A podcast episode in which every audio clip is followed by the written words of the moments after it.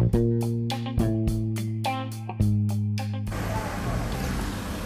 yo, what's up yo? Kali ini kita akan ngomongin soal Lakers. Mungkin hmm, buat beberapa orang mungkin masuknya Anthony Davis ke Lakers itu seperti masuknya Kevin Durant to Warriors di tahun 2016 ya. Cuman mungkin ada sedikit perbedaan di sini karena Anthony Davis gabung sama LeBron tapi bukan tim yang juara gitu. Beda dengan Kevin Durant ketika gabung ke Warriors. Warriors already a champion, man. NBA champion. Jadi Warriors udah juara ditambah kaliber pemain elit seperti Kevin Durant. Gila apa enggak Kevin Durant jadi most hate people pada saat itu kan. Jadi waktu itu memang beberapa orang-orang selalu mengagung-agungkan LeBron James karena mereka sendiri.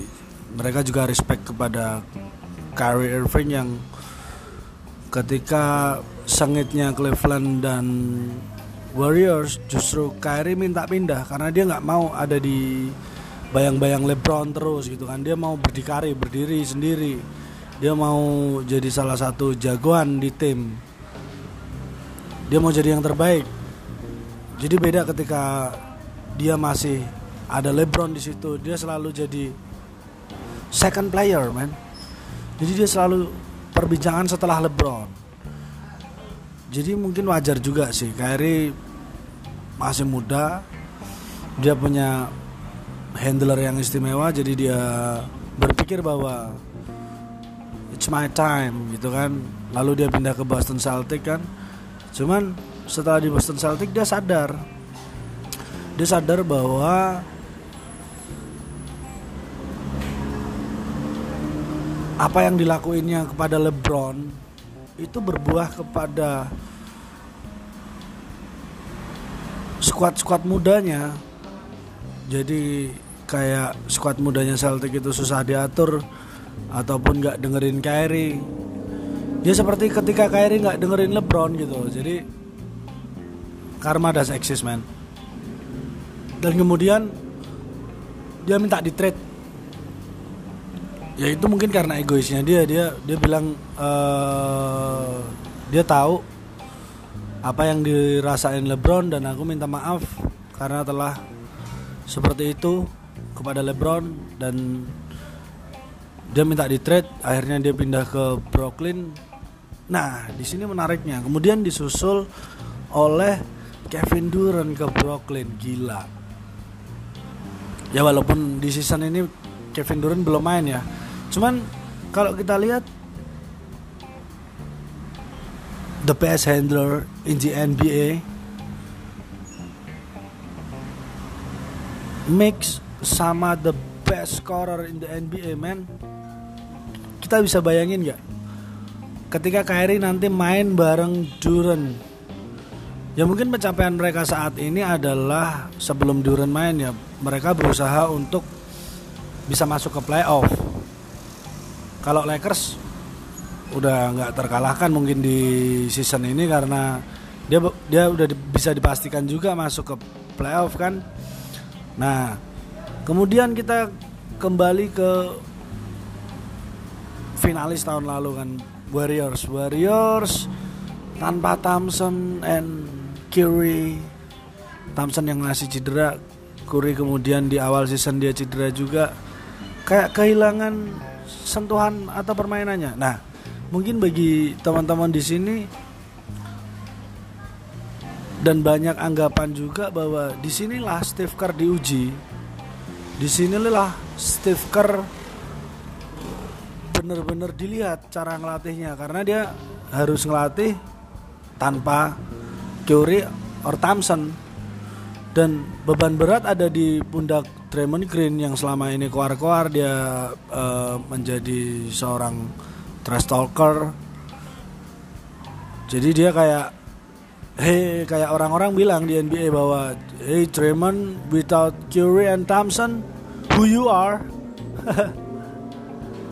ya tapi ketolong juga sih dengan masuknya di Angelo Russell. Dan Angelo Russell ini mampu naikin permain, permainan Warriors juga rukinya uh, rukinya bisa skor kan kayak Eric Pascal gitu kan. Jadi sedikit tertolong, cuman pengalaman berbicara men mental berbicara. Jadi Warriors banyak kalahnya di season ini karena ya permainan yang disuguhkan oleh Steve Kerr ini nggak begitu cocok kepada timnya sekarang karena uh, sangat dinamis terus Thompson punya penempatan posisi yang bagus dan itu yang nggak tim-tim atau squad di Warriors ini sekarang tidak punya. Mereka nggak punya apa yang dipunyai Thompson. Misalnya catch shot misalnya Curry bisa create space untuk dapetin ruang atau jadi defender jadi pandangannya kepada Kuri semua sehingga teman-teman lainnya kosong. Itu menurut saya yang jadi benar-benar kehilangan di Warriors. Jadi kayak yang tadinya Kuri bisa create space kalau one on one nggak usah bilang lah one on one pasti Kuri skor bisa dibilang 60 sampai 100% skor dia nah maka dari itu tim-tim lawan ini pasti ngelihat Curry. Ketika Curry one on one uh, defense yang lain juga pasti berpikir bahwa Curry akan lolos dan mereka siap bantu. Nah, ketika inilah mereka siap helping. Ketika mereka siap helping ini kayak Thompson hidup, Draymond Green hidup, Livingston hidup. Jadi nggak berat kerja kerjanya shooternya kerja kerjanya posisi tiga empatnya karena emang Curry handler untuk create space nya bagus banget. Dan dia bisa skor lagi. Jadi kalau memang nggak ada helping skor. Kalau di helping dia bisa asis bro. Itulah yang uh, saya bilang Warriors kehilangan itu oke okay lah memang di Angelo Russell bisa gitu cuman nggak se nggak se ditakutin seperti Curry bos Stephen Curry ini sangat ditakutin. Kalau di Angelo Russell masih mungkin ada yang masih bertanya atau mempertanyakan uh, ininya apa namanya uh, konsistensinya. Jadi di game ini dia sangat bagus banget untuk scoring dan segala macam, assist dan segala macam. Tapi di game selanjutnya dia kayak kehilangan sentuhannya di situ. Jadi pemain-pemain defense lawan pun nggak begitu apa ya namanya nggak begitu takut dengan dia sehingga tidak begitu terbuka space-nya untuk teman-teman lainnya di samping juga kehilangan Thompson yang ketika misal nih misal di mix dengan di Angelo Russell mungkin nggak akan jauh beda dengan Curry nggak nggak jauh beda. Karena uh, ketika di Angelo Russell penetration mungkin ada helping Thompson kosong dan Thompson tipikal yang bisa catch shoot bro. Dia bisa tanpa dribble shot. Ya terbukti kan dia 39 poin hanya dengan 4 dribble. Dari itu sampai half time doang sampai half time doang. Dia 39 poin hanya dengan 4 dribble gila. Gila efisiensinya ini dia. Di atas rata-rata shooter lain mungkin kalau saya bilang. IQ-nya juga ditambah dengan chemistry-nya sama Corey udah ya dia udah kayak eh lo di mana? Ah tahu kok gue di mana? Kan kayak gitu nah kemudian kita bahas nih soal juara tahun lalu Toronto Raptors. Mungkin Toronto Raptors akan sedikit goyah ya. Sedikit goyah dengan ditinggalnya Kawhi Leonard. Cuman memang sebelum Kawhi Leonard gabung pun waktu itu masih ada DeRozan ke sebelum DeRozan ke Spurs kan di trade sama Kawhi Leonard sebelumnya itu memang mereka udah tim yang matang bro jadi kayak kayak Lowry, DeMar DeRozan uh, jadi mereka udah solid sebenarnya udah solid ditambah dengan Kawhi yang dia punya apa ya kalau saya bilang dia punya dia punya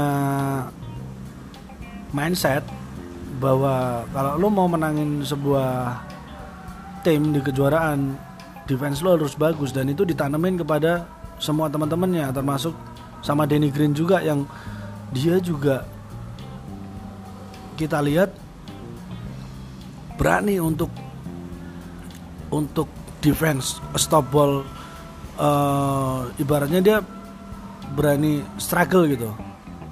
Dia berani berjuang dengan adanya kawai gitu. Jadi kawai itu kayak magnet magnet defense tapi di sini. Jadi kayak semua orang ingin membuktikan bahwa dia bisa defense. Dan bahwa dia di jalur yang benar itu aja sih mungkin. Nah Kemudian kepindahan ke Kawhi Leonard ini ke LA Clippers gila. Ini uh, kayak derby ya mungkin ya. Clippers and Lakers kayak memperkuat memperkuat tim masing-masing ya. Ibaratnya Clippers uh, ada Kawhi Leonard ditambah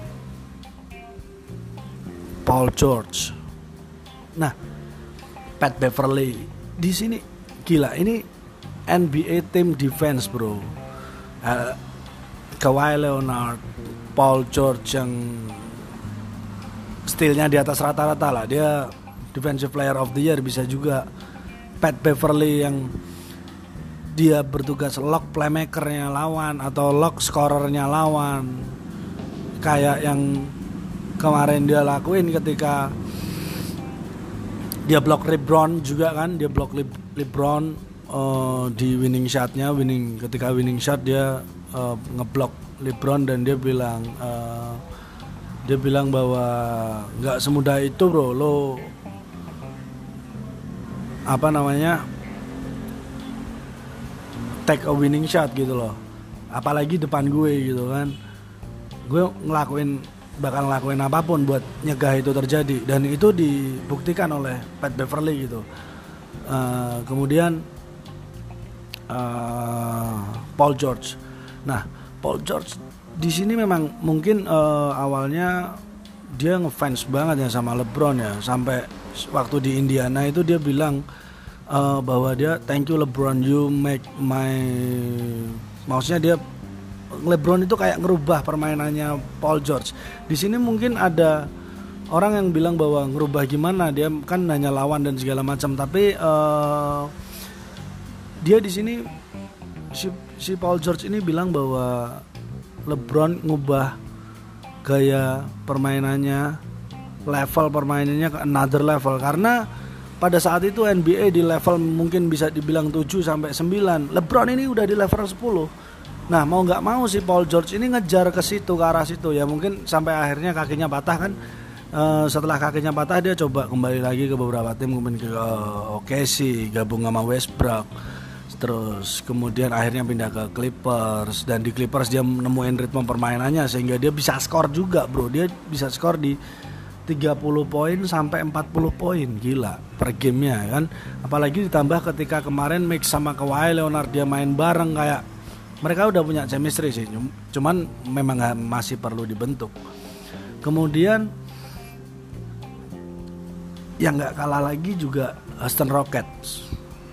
Houston Rockets dia kehilangan Chris Paul sih memang. Cuman Chris Paul di sini diduga punya ambisi juga. Mungkin hampir seperti seperti Kyrie Irving ya dia punya handles yang gila dan dia pengen create a team gitu kan tapi di dalamnya masih ada Harden bro Harden di Rockets udah kayak playmaker juga jadi dia paling sering bawa bola sedangkan ketika di sistem itu kalau kita tahu sistem basket itu biasanya memang yang sering paling sering bawa bola adalah playmaker. Maka Chris Paul di sini pengen dia bawa bola terus gitu kan. Cuman tetap juga dia kalah saing karena si Harden ini bisa skor ya maka uh, mungkin dia memutuskan untuk pindah itu bro. Nah terus Rockets dapat siapa? Rockets gilanya Westbrook minta di trade di OKC ya tukar sama Chris Paul tersebut. Westbrook pindah ke Houston dan pertama orang-orang bilang bahwa mereka nggak bakalan bisa nyatu tapi di sini uh, menurut saya sih pelatihnya yang akan uh, akan berpikir gimana caranya Westbrook sama Harden itu bisa menyatu ataupun di skip dalam beberapa kuarter kayak kemarin misalnya di skip beberapa game Westbrook sama Harden nggak pernah main bareng. Jadi kayak ketika di dalamnya Westbrook Westbrook adalah scorer. Ketika ada Harden Harden scorernya. Nah tapi menariknya beberapa game yang uh, saya lihat juga ketika Westbrook main bareng sama Harden. Ketika Westbrook main bareng sama Harden, Westbrook bisa ngecilin egonya dan itu nggak gampang sekali berpemain dengan record most triple doubles in the NBA. Dia most triple doubles loh yang awalnya masih dipegang Oscar Robertson dia akhirnya dia salib kan dia salib akhirnya dia jadi the most triple double in a season in one season kan in one season dia sempat dijuluki uh, apa namanya dia sempat dijuluki pengejar statistik ya kan atau kalau di sana dia dibilang stat padder. Nah, stat padder ini adalah dia nggak peduli bahwa timnya menang atau kalah, yang penting dia statistiknya bagus gitu. Cuman kalau sekali bermain seperti itu, saya juga nggak setuju, bro. Saya nggak setujunya di sini. Karena saya yakin juga semua pemain basket terlebih di level NBA ya pasti mereka juga punya pemikiran bahwa I can make my team win. Dan I wanna make my team win. Dia pengen timnya menang dan pengen juara dan segala macam. Tapi memang kenyataannya di first round playoff dia selalu tersingkir. Ya mungkin di sini adalah dia sempat berpikir bahwa apa teman-teman gue nggak bisa maju gitu kan. Si Westbrook berpikir bahwa teman-teman gue nggak bisa diajak maju dan segala macam. Yang akhirnya dia pindah ke Houston Rockets yang tadinya Harden ini di OKC awalnya dulu sama si Westbrook. Bahkan si Harden ini jadi hanya jadi six man. Tapi dia nggak mau ada di bayang-bayang Westbrook. Dan Duran pada saat itu jadi dia memutuskan untuk pindah ke Houston Rockets. Padahal mereka bertiga finalis bro. Finalis waktu lawan LeBron itu itu hampir menang.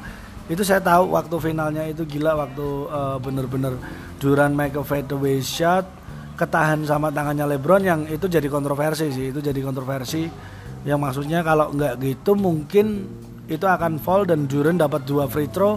Mungkin oke okay sih yang bakalan jadi juara NBA pada saat itu. Tapi ya uh, itulah basket uh, dengan dinamisnya dan saya yakin waktu itu NBA juga udah menggunakan sistem replay kan jadi dia bisa lihat replaynya apakah ini dan segala macam dan keputusan mutlak ada di wasit pada saat itu kan.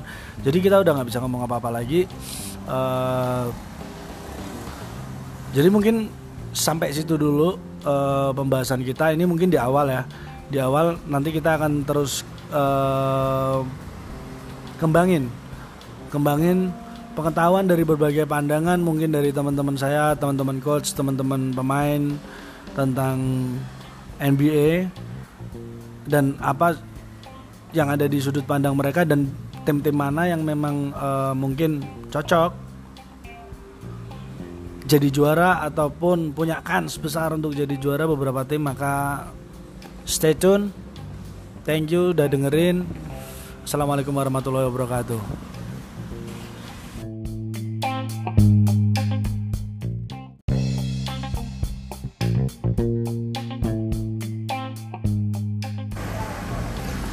Hey yo, what's up yo? Kali ini kita akan ngomongin soal Lakers. Mungkin hmm, buat beberapa orang mungkin masuknya Anthony Davis ke Lakers itu seperti masuknya Kevin Durant to Warriors di tahun 2016 ya.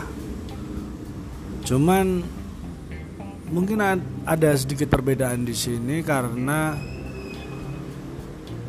Anthony Davis gabung sama LeBron tapi bukan tim yang juara gitu. Beda dengan Kevin Durant ketika gabung ke Warriors. Warriors already a champion man. NBA champion. Jadi Warriors udah juara ditambah kaliber pemain elit seperti Kevin Durant. Gila apa enggak Kevin Durant jadi most hate people pada saat itu kan? Jadi waktu itu memang beberapa orang-orang selalu mengagung-agungkan LeBron James karena mereka sendiri. Mereka juga respect kepada Kyrie Irving yang ketika sengitnya Cleveland dan Warriors justru Kyrie minta pindah karena dia nggak mau ada di bayang-bayang LeBron terus gitu kan. Dia mau berdikari berdiri sendiri. Dia mau jadi salah satu jagoan di tim dia mau jadi yang terbaik. Jadi beda ketika dia masih ada LeBron di situ dia selalu jadi second player man. Jadi dia selalu perbincangan setelah LeBron. Jadi mungkin wajar juga sih Kyrie masih muda dia punya handler yang istimewa jadi dia berpikir bahwa it's my time gitu kan. Lalu dia pindah ke Boston Celtics kan cuman setelah di Boston Celtics dia sadar. Dia sadar bahwa apa yang dilakuinnya kepada LeBron itu berbuah kepada squad-squad mudanya. Jadi kayak squad mudanya Celtic itu susah diatur ataupun nggak dengerin Kyrie dia seperti ketika Kyrie nggak dengerin LeBron gitu. Jadi karma das eksis man. Dan kemudian dia minta di trade. Ya itu mungkin karena egoisnya dia. Dia dia bilang uh, dia tahu apa yang dirasain LeBron dan aku minta maaf karena telah seperti itu kepada LeBron dan dia minta di trade akhirnya dia pindah ke Brooklyn nah di sini menariknya. Kemudian disusul oleh Kevin Durant ke Brooklyn. Gila. Ya walaupun di season ini Kevin Durant belum main ya. Cuman kalau kita lihat the best handler in the NBA mix sama the best scorer in the NBA man. Kita bisa bayangin nggak ketika Kyrie nanti main bareng Duran ya mungkin pencapaian mereka saat ini adalah sebelum Duran main ya mereka berusaha untuk bisa masuk ke playoff. Kalau Lakers udah nggak terkalahkan mungkin di season ini karena dia dia udah di, bisa dipastikan juga masuk ke playoff kan. Nah, kemudian kita kembali ke finalis tahun lalu kan Warriors. Warriors tanpa Thompson and Curry. Thompson yang masih cedera, Curry kemudian di awal season dia cedera juga. Kayak kehilangan sentuhan atau permainannya. Nah, mungkin bagi teman-teman di sini dan banyak anggapan juga bahwa di sinilah Steve Kerr diuji. Di sinilah Steve Kerr benar-benar dilihat cara ngelatihnya karena dia harus ngelatih tanpa Curry or Thompson. Dan beban berat ada di pundak Draymond Green yang selama ini koar-koar dia uh, menjadi seorang trash talker. Jadi dia kayak hey kayak orang-orang bilang di NBA bahwa hey Draymond without Curry and Thompson who you are ya tapi ketolong juga sih dengan masuknya di Angelo Russell. Dan Angelo Russell ini mampu naikin permain, permainan Warriors juga. Rukinya uh, rukinya bisa skor kan kayak Eric Pascal gitu kan. Jadi sedikit tertolong cuman pengalaman berbicara men. Mental berbicara. Jadi Warriors banyak kalahnya di season ini karena ya permainan yang disuguhkan oleh Steve Kerr ini nggak begitu cocok kepada timnya sekarang karena uh, Curry sangat dinamis terus Thompson punya penempatan posisi yang bagus dan itu yang nggak tim-tim atau squad di Warriors ini sekarang tidak punya. Mereka nggak punya apa yang dipunyai Thompson. Misalnya catch misalnya Curry bisa create space untuk dapetin ruang atau jadi defender jadi pandangannya kepada Curry semua sehingga teman-teman lainnya kosong. Itu menurut saya yang jadi bener-bener kehilangan di Warriors. Jadi kayak yang tadinya Curry bisa create space kalau one on one nggak usah bilang lah. One on one pasti Curry score. Bisa dibilang 60 sampai 100% skor dia. Nah, maka dari itu tim-tim lawan ini pasti ngelihat Curry. Ketika Curry one on one uh, defense yang lain juga pasti berpikir bahwa Curry akan lolos dan mereka siap bantu. Nah, ketika inilah mereka siap helping. Ketika mereka siap helping ini kayak Thompson hidup, Draymond Green hidup, Livingston hidup. Jadi nggak berat kerja kerjanya, shooternya, kerja kerjanya, posisi tiga empatnya karena emang Curry handler untuk create space-nya bagus banget dan dia bisa skor lagi. Jadi kalau memang nggak ada helping, skor. Kalau di helping dia bisa asis bro itulah yang uh, saya bilang Warriors kehilangan itu. Oke okay lah memang Angelo Russell bisa gitu. Cuman nggak se nggak se ditakutin seperti Curry bos. Stephen Curry ini sangat ditakutin.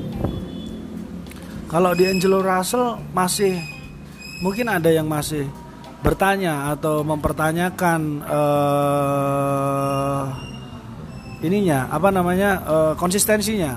Jadi di game ini dia sangat bagus banget untuk scoring dan segala macam. Assist dan segala macam.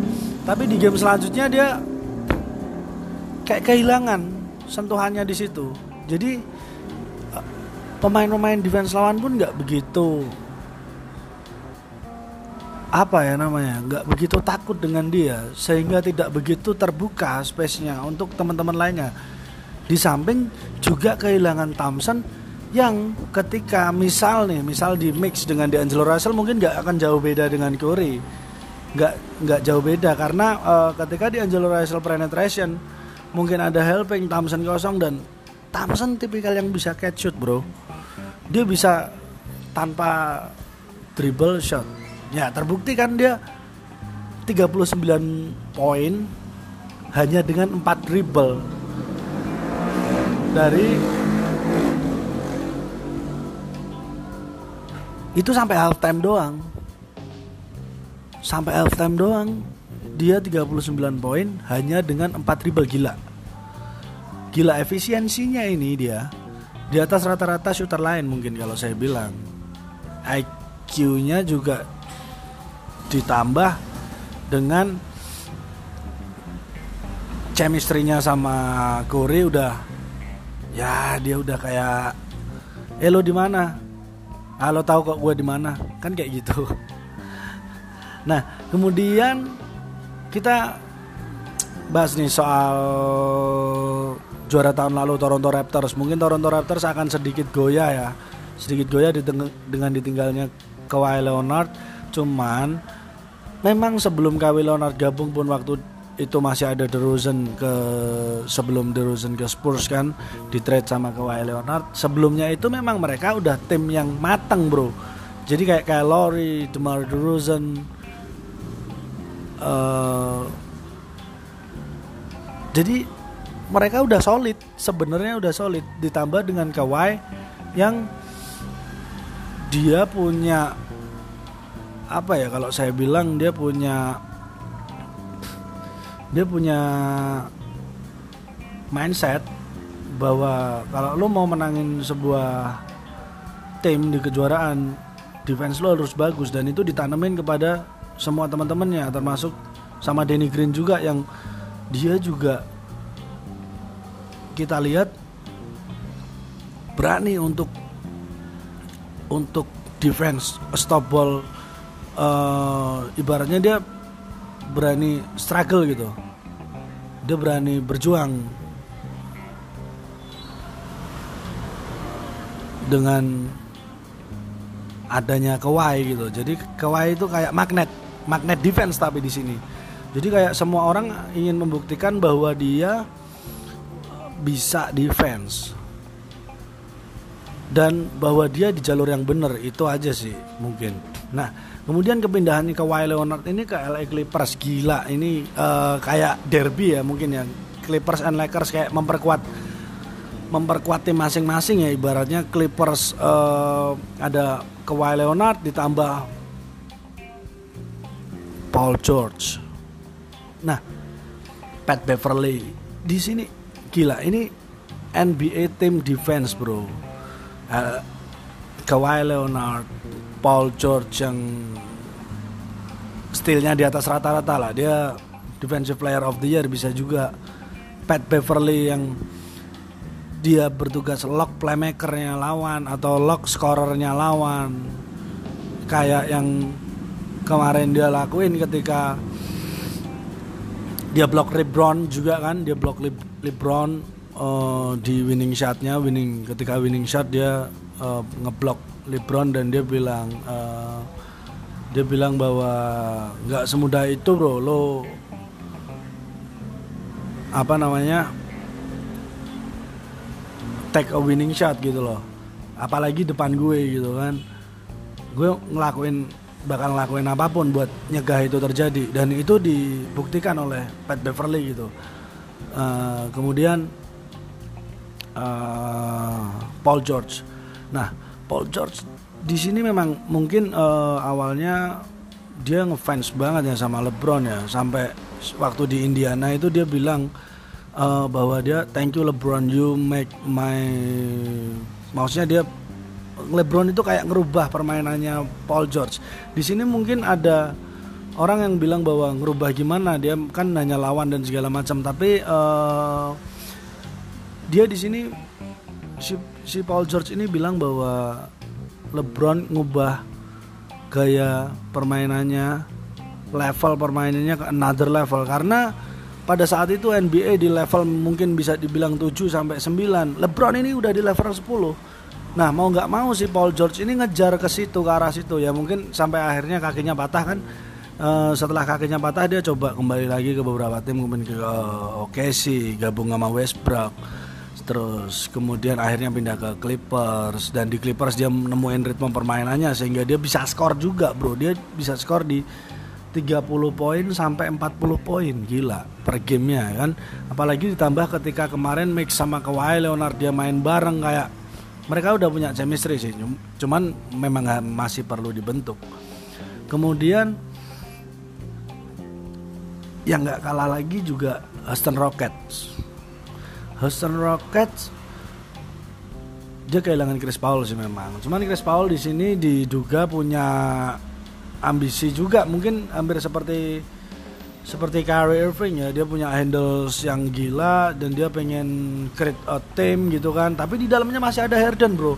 Harden di Rockets udah kayak playmaker juga. Jadi dia paling sering bawa bola. Sedangkan ketika di sistem itu kalau kita tahu sistem basket itu biasanya memang yang sering paling sering bawa bola adalah playmaker maka Chris Paul di sini pengen dia bawa bola terus gitu kan cuman tetap juga dia kalah saing karena si Harden ini bisa skor ya maka uh, mungkin dia memutuskan untuk pindah itu bro. Nah terus Rockets dapat siapa? Rockets gilanya Westbrook minta di trade di OKC ya tukar sama Chris Paul tersebut.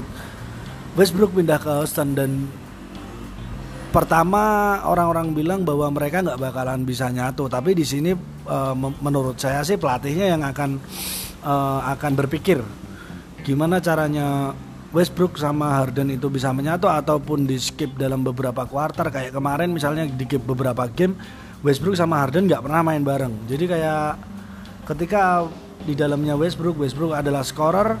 Ketika ada Harden Harden scorernya. Nah tapi menariknya. Beberapa game yang uh, saya lihat juga ketika Westbrook main bareng sama Harden ketika Westbrook main bareng sama Harden Westbrook bisa ngecilin egonya. Dan itu nggak gampang sekali berpemain dengan record most triple doubles in the NBA dia most triple doubles loh yang awalnya masih dipegang Oscar Robertson dia akhirnya dia salib kan? Dia salib akhirnya dia jadi the most triple double in a season. In one season kan? In one season dia sempat dijuluki uh, apa namanya? Dia sempat dijuluki pengejar statistik ya kan Atau kalau di sana dia dibilang stat padder nah stat padder ini adalah dia nggak peduli bahwa timnya menang atau kalah yang penting dia statistiknya bagus gitu. Cuman kalau sekali bermain seperti itu saya juga nggak setuju bro. Saya nggak setuju di sini karena saya yakin juga semua pemain basket terlebih di level NBA ya pasti mereka juga punya pemikiran bahwa I can make my team win dan I wanna make my team win. Dia pengen timnya menang dan pengen juara dan segala macam. Tapi memang kenyataannya di first round playoff dia selalu tersingkir. Ya mungkin di sini adalah dia sempat berpikir bahwa apa teman-teman gue nggak bisa maju gitu kan. Si Westbrook berpikir bahwa teman-teman gue nggak bisa diajak maju dan segala macam. Yang akhirnya dia pindah ke Houston Rockets yang tadinya Harden ini di OKC awalnya dulu sama si Westbrook bahkan si Harden ini jadi hanya jadi six man tapi dia nggak mau ada di bayang-bayang Westbrook dan Duran pada saat itu jadi dia memutuskan untuk pindah ke Houston Rockets. Padahal mereka bertiga finalis bro. Finalis waktu lawan LeBron itu itu hampir menang. Itu saya tahu waktu finalnya itu gila waktu uh, bener-bener Duran make a fadeaway shot ketahan sama tangannya LeBron yang itu jadi kontroversi sih itu jadi kontroversi. Yang maksudnya kalau nggak gitu mungkin itu akan fall dan Duran dapat dua free throw. Mungkin oke okay sih yang bakalan jadi juara NBA pada saat itu. Tapi ya uh, itulah basket uh, dengan dinamisnya dan saya yakin waktu itu NBA juga udah menggunakan sistem replay kan. Jadi dia bisa lihat replaynya apakah ini dan segala macam. Dan keputusan mutlak ada di wasit pada saat itu kan. Jadi kita udah nggak bisa ngomong apa-apa lagi. Uh, jadi mungkin sampai situ dulu uh, pembahasan kita. Ini mungkin di awal ya. Di awal nanti kita akan terus uh, kembangin.